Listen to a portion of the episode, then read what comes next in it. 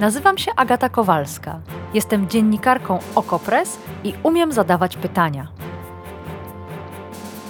Wciąż jeszcze wierzę, że świat można ponaprawiać, więc swoich gości, polityków i ekspertki pytam o rozwiązania.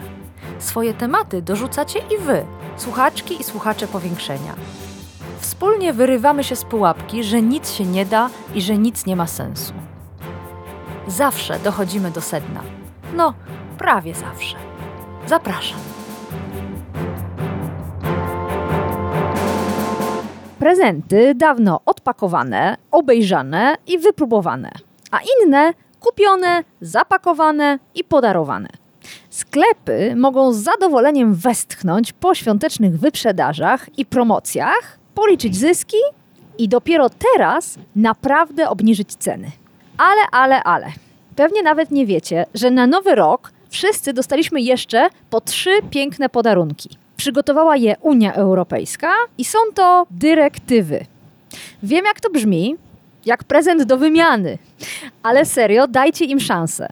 Opakowane są może niezbyt atrakcyjnie, bo noszą nazwy dyrektywa cyfrowa, towarowa i dyrektywa omnibus, ale zawartość jest wspaniała. A żeby Wam to pokazać, wyciągnęłam z Pawlacza kupioną w promocji tuż przed świętami nową walizkę. Ma rączkę, cztery kółka i jest turkusowa. I na jej przykładzie pokażemy Wam, jak działają te fantastyczne prezenty od Brukseli. Zapraszam na powiększenie.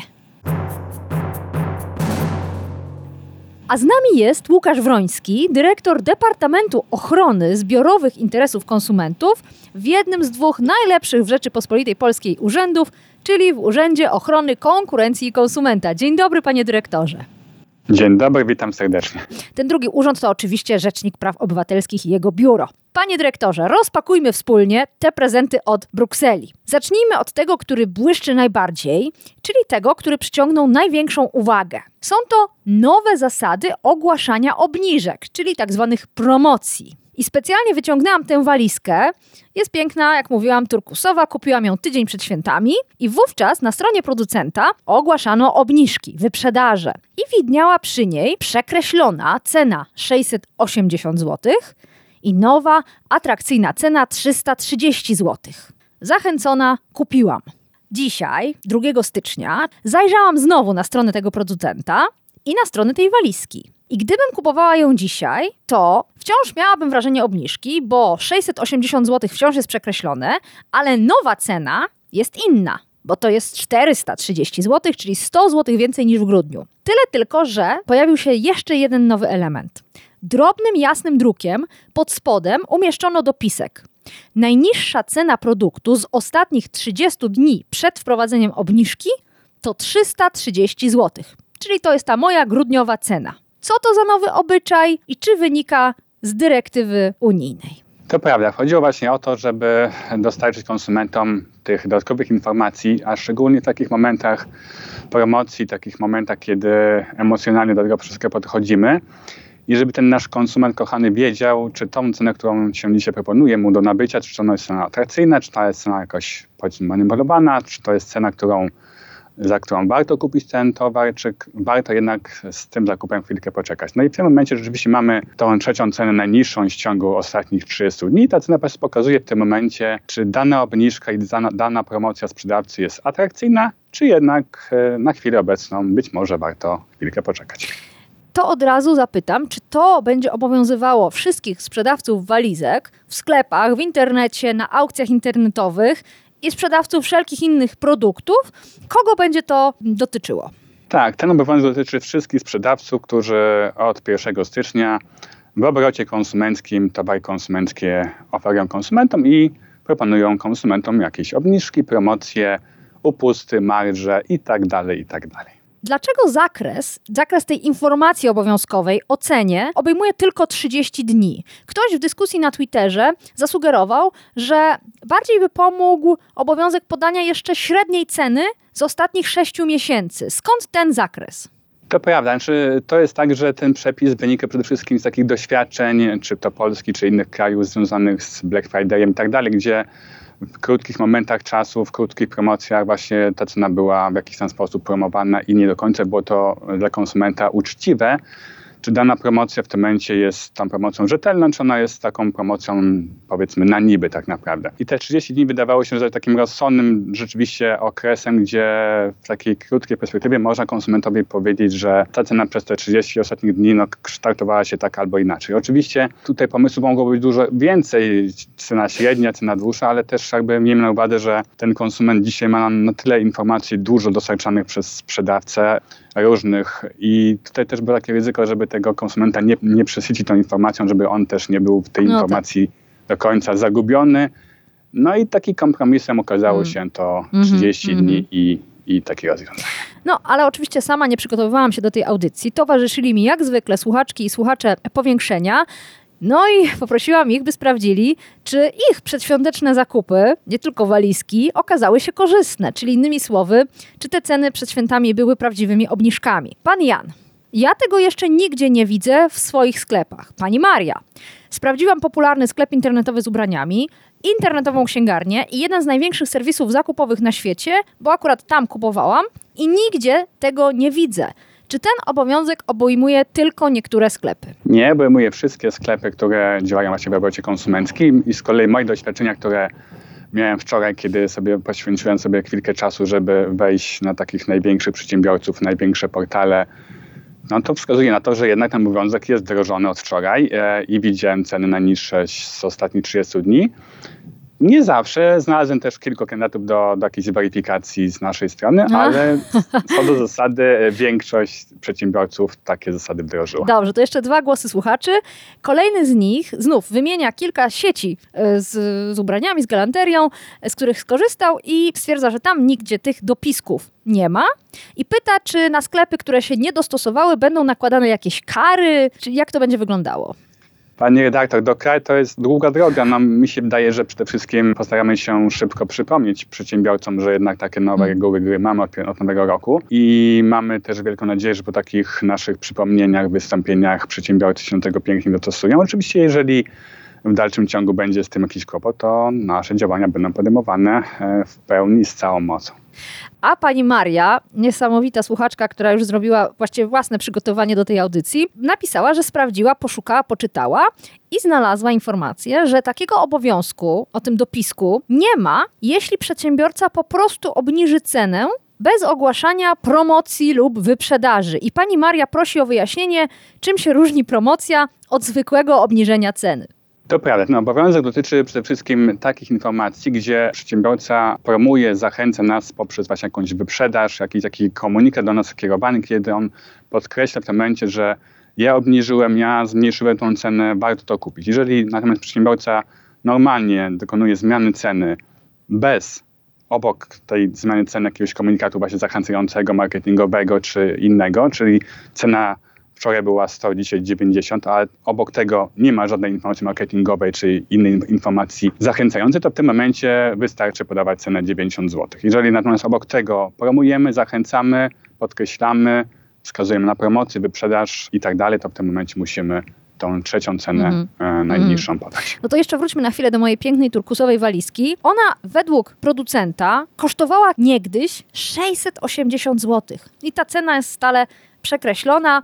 Dlaczego nie ma nakazu informowania, czy ona kiedykolwiek tyle rzeczywiście kosztowała? Innymi słowy, czy ten chwyt marketingowy jest prawdziwy? Takich informacji nie mamy tak jak powiedziałem, tutaj chodziło o to, żeby też konsumenta nie zasypać tymi wszystkimi informacjami i przede wszystkim zwrócić uwagę na tą cenę z tego ostatniego okresu pod kątem korzyści dla konsumenta. Też często jest tak, że te ceny takie regularne, takie ceny niepromocyjne, one są zwykle dość wysokie i wtedy konsumenci wiemy o tym, że bardzo unikają wizyty w sklepie i unikają zakupów. Czekam właśnie na takie momenty w ciągu roku, kiedy na przykład jak Nowy Rok, święta, Black Friday, kiedy mamy zasyp w tym momencie takimi promocjami, no i temu miało to służyć, żeby właśnie w takich momentach promocyjnych, e, takich mm -hmm, zmasowanych mm -hmm. ataków marketingowych temu konsumentowi mm -hmm, pomóc. -hmm. No to kolejna słuchaczka, pani Agata, ma pytanie z serii Polak potrafi. I pisze tak. Jestem ciekawa, gdzie są dziury w tych przepisach. Czy jak sklep do tej walizki dorzuci w komplecie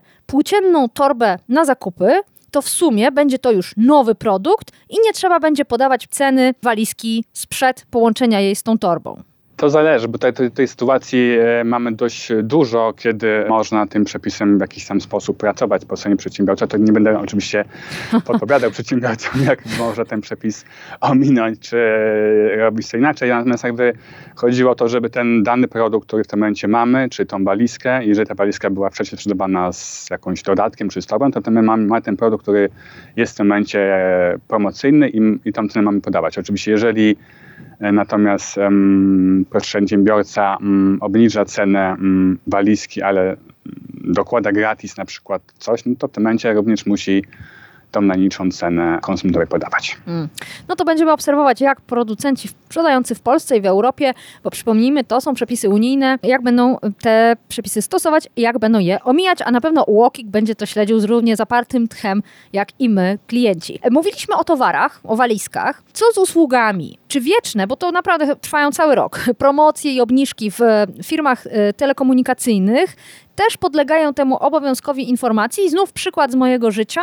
Dosłownie teraz w grudniu przedłużałam umowę na abonament telefoniczny i sama odkryłam, że ta nowiuteńka zresztą oferowana mi promocja jest droższa niż zwykłe przedłużenie umowy sprzed e, dwóch lat, która też była w promocji, ale na stronie nie było tej informacji. Sama to policzyłam. E, czy teraz te telekomy też będą musiały się dostosować? To prawda, ten przepis dotyczący tych najniższych cen e, z ostatnich 30 dni dotyczy również usług, oprócz towarów, czyli również usługi telekomunikacyjne czy jakieś inne usługi mogą pod, podpadać. Oczywiście diabeł tkwi w szczegółach, jak ta promocja, jak ten marketing do konsumenta był kierowany. I w tym momencie rzeczywiście w takiej promocji jakiejś usługi, czy abonamentu, czy czegokolwiek innego, również ta cena powinna zacząć się pojawiać na rynku. Bo rozumiem, że jeśli chodzi, już zostajemy przy telekomach, wszyscy korzystamy z telefonów, wszystkich nas dotyczy ta sprawa. One wiecznie twierdzą, że jest jakaś promocja, jakaś obniżka, ale jednocześnie te oferty się ciuteńkę zmieniają. Dochodzi kilka gigabajtów dodatkowego internetu, albo telefon jest tańszy, kiedy używamy go za granicą i tak dalej, i tak dalej. Więc wydaje się, że tutaj zawsze to będzie zbyt płynne, żeby przycisnąć e, firmę telekomunikacyjną i zmusić do pokazania na takich obiektywnych danych, czy ona rzeczywiście ceny za swoje usługi obniża. Pani redaktor, i tak i nie, bo mhm. zgadzam się z tym, że jeżeli mamy jakąś zmianę w ofercie, to, to w tym momencie będzie to trochę trudniejsze. Natomiast jakby też bardzo często mamy tak, że ten produkt określony jest dość e, niezmiennie na rynku i u danego przedsiębiorcy i po prostu przedsiębiorca w danych momentach, w danym okresie czasu e, zachęca konsumentów czy tylko i wyłącznie ceną w tym momencie, czyli jakby nie dokłada w tym momencie jakichś dodatkowych gadżetów, bonusów do tej oferty, tylko po prostu pracuje tą ceną i w tym momencie oczywiście taki obowiązek się pojawi. Natomiast jeżeli rzeczywiście mamy zmianę oferty i nowy produkt albo produkt, który e, różni się mniej czy bardziej od poprzedniego, to w momencie rzeczywiście taki obowiązek nie będzie musiał być stosowany. Mm -hmm. Ale tak by wiele szczegółów też będzie o tym decydowało i, i nasza rola, żeby to e, bieżąco sprawdzać. I wyważyć. Teraz pytanie natury filozoficznej, na chwilę, zaraz wrócimy do przykładów. Czy to nie jest jednak nadmierna ingerencja Unii Europejskiej w wolny rynek, w swobodę, nazwałabym ją nawet fantazją, producentów e, walizek i wszystkich innych przedsiębiorców do zachęcenia klientów? Jak jako UOKiK to oceniacie? bo gdzieś ta granica leży. Czy tutaj w tym przypadku nie została ona przekroczona? Panie redaktor, ja tak odpowiem, że też takie głosy słyszałem dotyczące tej zmiany przepisów, że to jest jakaś rewolucja, to jest jakiś Armagedon i tak dalej. I to do, do końca tak nie jest. To jest po prostu przywracanie normalności w takich momentach, kiedy normalność powinna być dla konsumentów e, rzetelna, prawdziwa informacja które pozwala im dokonywać transakcji po prostu uczciwie, e, mając wszystkie informacje dostępne. I gdyby nie było takich przykładów ofert Black Friday czy innych, gdzie czuliśmy wszyscy, że podświadomie, że jakiś problem w tym rzeczywiście jest, że wszystko jest promocja, się na końcu okazuje, że z tej promocji, jak to wycieśniemy ją, to nic nie zostaje. To jest właśnie odpowiedź, żeby jednak przy takich właśnie zachętach marketingowych ta informacja się pojawiła. Łokik słynie z takich dyplomatycznych odpowiedzi. Ja rozumiem, że w gruncie rzeczy powiedział pan dyrektor, samiście to na siebie sprowadzili, przedsiębiorcy, oszukując i udając, że obniżacie ceny, a tak naprawdę często je na ten Black Friday czy inne ważne daty dla, dla kapitalizmu prowadzając. Drobna zmiana wydawałoby się, ale w praktyce rewolucyjna. czytam, że sklepy internetowe będą musiały podawać adres e-mail i numer telefonu, żeby konsument mógł szybko i efektywnie się z nimi skontaktować. I od razu zapytam, czy to dotyczy też usług gwarancyjnych, napraw sprzętu, czyli tych powiązanych ze sprzedażą danego towaru. Nie, to jest bardziej obowiązek generalny dotyczący tego, żeby jednak ten sklep internetowy zapewnił możliwość kontaktu ze sobą, żeby konsument nie był skazany na czatowanie z, przez sprzedawcą, oczekiwanie, kiedy być może mu ktoś odpisze za kilka dni albo kilka tygodni. Albo, albo wypełnianie tego słynnego a, formularza na stronie. Wypełnij formularz, a my się z tobą, on, i... z tobą skontaktujemy, co się nigdy nie wydarza. Dokładnie tak, jakby to, to służyło temu, żeby jednak ten kontakt był bardziej bezpośredni. Też e, pamiętajmy o tym, że że mamy po drugiej stronie wielu klientów młodszych, ale też starszych, seniorów, którzy jednak e, doceniają sobie ten kontakt telefoniczny. I to chodzi o taki kontakt generalny, ale pod jakim kątem my go wykorzystamy jako konsumenci, już jakby po naszej roli, czy to jest reklamacja, czy to jest kontakt ze sprzedawcą, czy to jest jakaś obsługa zamówienia, to już po naszej stronie jakby lecz żeby sobie to wszystko wykorzystać. Natomiast jakby chodziło też o to, żeby ten kontakt był skuteczny, a nie by taki niepewny, wiszący w czasie i do końca jako konsumenci nie mieliśmy pewności, że napisaliśmy tę informację i ktoś hmm. ją przeczytał, ktoś z nią coś zrobi i ktoś nam odpisze. No to znów przykład Tutaj... z życia. Jak widać, jestem aktywną bardzo konsumentką, która lubi znać swoje prawa, ale czasem rozbija się o ścianę niemożności. Mam e, zapięcie do roweru, które ma gwarancję dożywotnią, ale po iluś już latach rzeczywiście się zepsuło. I e, producent ma siedzibę w Niemczech, a kontakt z producentem jest wyłącznie mailowy. I na dodatek jest tam dopisek, że jeśli e, wyślę maila w swojej sprawie, a potem wyślę drugiego, to moja sprawa spada na koniec kolejki. I w ten sposób już od trzech miesięcy czekam na zwrotną informację od e, tego producenta. Czy tego typu praktyki się skończą, bo to nie jest efektywny kontakt? To być może nie będzie efektem tego przepisu, mhm. bo tutaj jakby mówimy o kwestii gwaranta i producenta, który tam zapewnił konsumentowi gwarancję. Więc to nie jest do końca sklep internetowy, który w tym momencie ma zapewnić ten kontakt bezpośrednio. Natomiast mhm. jakby e, ta sytuacja jest o tyle do końca nieuczciwa, że również z gwarantem powinien być kontakt w miarę możliwości e, uczciwy, pełny i jeżeli nawet nie te przepisy, to też być może się znajdą jakieś inne przepisy w prawie konsumenckim, które będzie można w Czyli właściwie e, powinnam się do Was odezwać, tak? I sprawdzimy, sprawdzimy to razem. I postaramy się jak zwykle pomóc. A to od razu zapytam, bo na pewno wiele osób słuchających zastanawia się teraz, dlaczego nigdy wcześniej do UOKiK-u nie zapukało. W jaki sposób szybki i efektywny można się z Wami skontaktować? Można Wam wysłać na przykład skargę na jakiegoś producenta.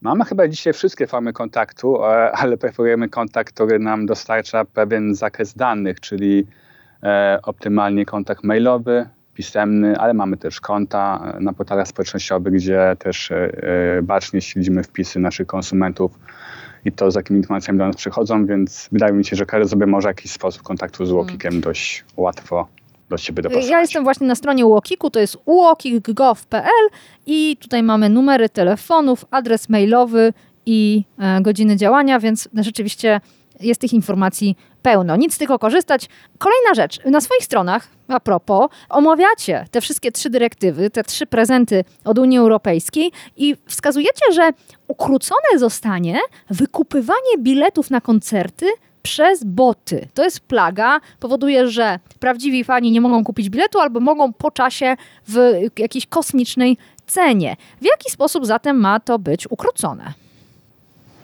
To był rzeczywiście realny problem e, na rynku konsumenckim, gdzie mm, takie właśnie bilety na koncerty czy inne wydarzenia były właśnie wykupywane przez jakieś automatyczne narzędzie i potem być może były sprzedawane po wyższej cenie i tak dalej.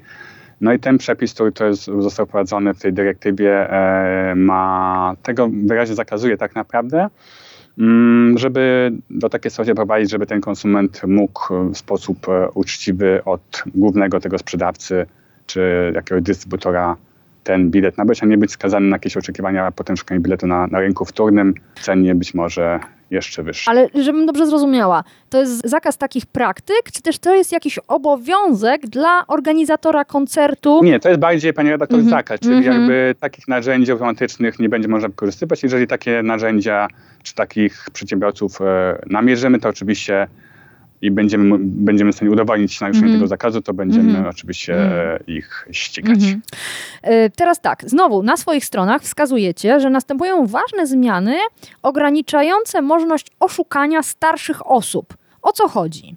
Tak, to jest dość istotna zmiana w tych przepisach, bo e, mówiliśmy sobie tutaj o trzech dyrektywach i wdrożeniach jakichś przepisów, które z tych dyrektyw wynika, natomiast jakby tym obszarem, na którym nam też bardzo zależało, to była ochrona konsumentów seniorów przed e, nieuczciwymi pokazami, nieuczciwymi wycieczkami, gdzie zwłaszcza seniorzy byli narażeni na różne praktyki związane z jakimiś pseudomateracami za kilka tysięcy złotych, czy pseudogarnkami na, za kilka tysięcy złotych i tych sygnałów mieliśmy e, multum i też od wielu lat z tym walczyliśmy, ale się okazało jednak, że być może warto powalczyć z tymi praktykami poprzez e, nowe przepisy. E, te przepisy nie wynikają w ogóle z dyrektywy, to są nasze, można powiedzieć, autorskie rozwiązania, które mają takie te fundamentalne, nieuczciwe praktyki ukrócić. E, I to są te, takie trzy główne chyba rzeczy, czyli dłuższy termin odstąpienia od takiej umowy, 30 dni zamiast aktualnych 14 e, dni po drugie, zakaz zawierania umów, e, pożyczek e, podczas pokazów, bo było tak często, że mm-hmm. seniorzy mm-hmm. będą na pokaz bez swoich pieniążków, ale byli oczywiście zachęcani do pożyczki mm-hmm. na mhm. dość często 5 tysięcy na cztery garnki, tak? Dokładnie, a mhm. potem się robiło z tego 15 za kilka miesięcy, więc to, to, to był rzeczywiście realny problem. A po trzecie, e, zakaz przyjmowania płatności, jakie towary przed, przed upływem prawa odstąpienia, czyli mamy 30 dni, mamy czas do namysłu w tym momencie, do jakiejś refleksji, do rozmowy z rodziną czy z przyjaciółmi i dopiero po tym upływie tych 30 dni możemy taki towar zapłacić. To też jakby ma na celu taką właśnie e, wzbudzenie po stronie konsumenta takiego zastanowienia się, czy rzeczywiście ten garnek i czy ten materac jest tym towarem, który bardzo chciałem zawsze kupić i chcę go mieć w domu na zawsze. Mm, mm, mm. Czy jakimkolwiek przedsiębiorcom te zmiany się podobają. Bo tak jak e, mówiliśmy, część już wprowadziła natychmiast te dopiski, choćby firma, która produkuje moją walizkę, a niektórzy jeszcze nie. Czy słyszeliście jakieś głosy pozytywne? Bo że doszły do Was głosy krytyki i o tym Armagedonie też Pan wspominał, to jest pewne. A jak to jest z tymi, którym może się te przepisy podobają? Znaczy ja powiem tak paradoksalnie, że na, jak na ilość tych przepisów nowych, to e, krytyki, której nie słyszeliśmy tak naprawdę może dotyczyła ona tylko tego, że tam mieliśmy troszkę opóźnienia z e, implementantem dyrektywy do, do tego naszego porządku prawnego, a też wynikało przede wszystkim z tego, że chcieliśmy te przepisy dość mocno skonsultować i, i też z branżą, i też z poszczególnymi przedsiębiorcami, żeby jakby te przepisy były takie, uderzały w punkt. I, i ci uczci przedsiębiorcy, powiem szczerze, nam kibicowali. Ich to bardzo nie bolało, bo oni tak po prostu działają dzisiaj i to jest dla nich chleb mm -hmm. powszedni. Mm -hmm i takie uczciwe zasady kontaktu z konsumentem. No, ci nieuczciwi rzeczywiście będą się mogli teraz trochę postarać, żeby, e, żeby działać troszkę inaczej niż do tej pory. I też często było tak, że tutaj mówimy o, o styczniu, ja też widziałem w paru sklepach koło połowy grudnia, widziałem też u niektórych przedsiębiorców, czyli wdrożono jeszcze wcześniej tak naprawdę niż e, musieli to zrobić. I to było takie właśnie też dość e, optymistyczne, że Ktoś nie czekał do tego 1 stycznia, ale był gotowy, wdrożył sobie to wcześniej i tylko przyklasnąć takim rozwiązaniem. No zwłaszcza tuż przed świętami. To rzeczywiście odważny gest. Ale z drugiej strony nie, nie musi być koniecznie odważny, jeśli do tej pory uczciwie informowaliśmy o cenach e, tak. klientów. No, och, trudno się poruszać w tej logice uczciwości. Łatwiej nam jednak podejrzewać, że tutaj będzie zaraz jakiś szacher-macher. Już zupełnie na koniec. Co jeszcze Wam się marzy? Co byście chcieli dostać pod choinkę jako ułokik w przyszłym roku? Cóż, chcielibyśmy, żeby te przepisy wdrożyły się poprzez właśnie samodzielne, uczciwe zachowanie przedsiębiorców.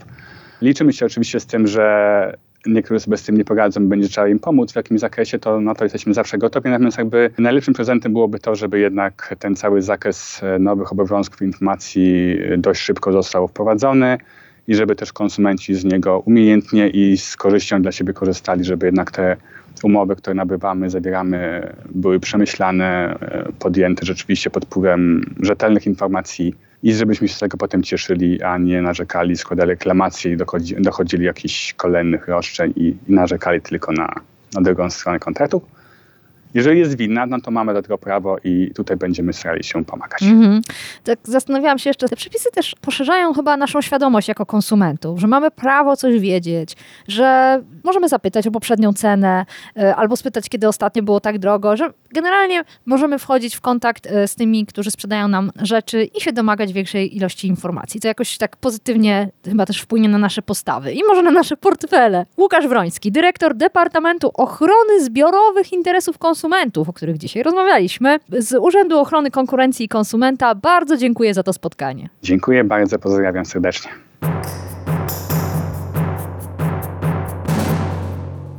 i Wam dziękuję za wysłuchanie tego odcinka powiększenia i za te wszystkie wspaniałe przykłady i pytania, które przekazaliście mi poprzez Twittera. Tam zawsze zapowiadam kolejne odcinki i zachęcam do dyskusji. I tym razem też zachęcam, ponieważ następny odcinek powiększenia poświęcimy kupowaniu mieszkania. Spróbujemy skorzystać z nowego programu wsparcia, który przygotował dla nas rząd PiS i sprawdzimy, czy to wsparcie, aby na pewno trafia do nas, kupujących mieszkanie, a może do kogoś zupełnie innego. Czekam na Wasze głosy. Możecie skontaktować się ze mną też przez maila. Adres już za chwileczkę, albo tradycyjnie na Twitterze. Do usłyszenia, do następnego odcinka.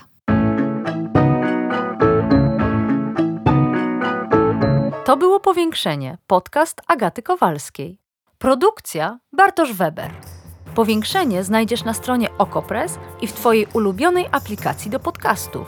Masz pomysł na temat albo komentarz? Napisz do mnie agata.kowalska małpaoko.press. Stałych darczyńców zapraszamy na grupę Okopres na Facebooku Twoja okolica. Tam też toczymy dyskusje o świecie i o podcaście. Dziękujemy za Wasze wsparcie.